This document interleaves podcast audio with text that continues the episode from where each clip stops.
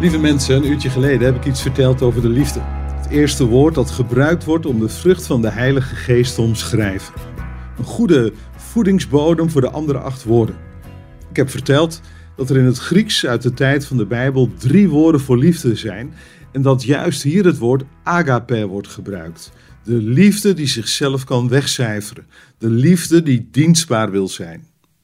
Als je over deze liefde nadenkt, komen er allerlei vragen naar boven, merk ik. Ik noem er een paar. Eerste vraag: is liefde vooral een gevoel of een keuze? De eerste benadering hoor ik aan alle kanten rondzingen. En als ons gevoel verdwenen is, maken we korte metten met de liefde. Het voelde niet meer goed. Zeg ik dat om je te veroordelen? Natuurlijk niet. Echt niet. Maar ik geloof wel dat de liefde meer is dan een gevoel. Als de Bijbel over Gods liefde spreekt, klinkt daar vooral ook een keuze in door. De keuze om liefde te tonen voor een wereld die aan alle kanten is ontspoord. Liefde heeft dan alles te maken met volhouden en trouw blijven. En wonderlijk genoeg kan je gevoel daarin meegenomen worden. Andersom is lastiger. Tweede vraag. Is liefde vooral voorwaardelijk of onvoorwaardelijk? Voor wat hoort wat? Zo steekt onze maatschappij in elkaar. Zo steekt onze economie in elkaar.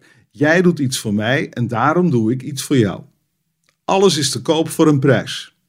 En we voeden onze kinderen op in een cultuur van voor wat hoort wat. Als jij je kamer opruimt, vind ik je lief. Als jij goede cijfers haalt, waardeer ik jou.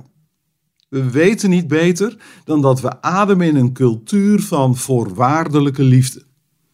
Als de Bijbel over Gods liefde spreekt, klinkt daar vooral de onvoorwaardelijke liefde in door.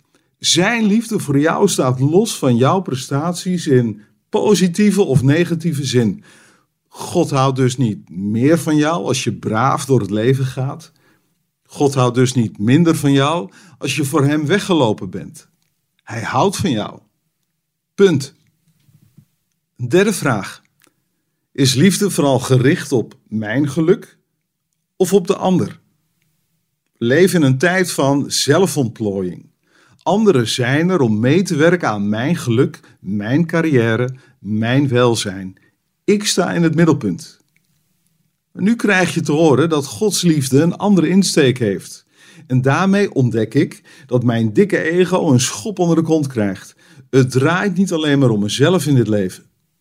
Als ik me laat raken door Gods liefde, komen andere mensen per definitie in beeld en deze liefde mag me iets kosten. Sterker nog, deze liefde zal me iets kosten. Is dat lastig? Soms best wel. Ik richt mijn blik dan op Jezus. Hij is het voorbeeld van deze liefde. Sterker nog, hij is de bron van deze liefde. Zijn liefde is de ultieme reden geweest waarom hij aan een kruis gestorven is. Hij had er alles voor over om ons te verbinden met God. En deze liefde is ook de ultieme reden geweest voor de uitstorting van de Heilige Geest. Geloven is niets anders dan deze liefde beantwoorden. Geloven is niets anders dan deze liefde in praktijk brengen.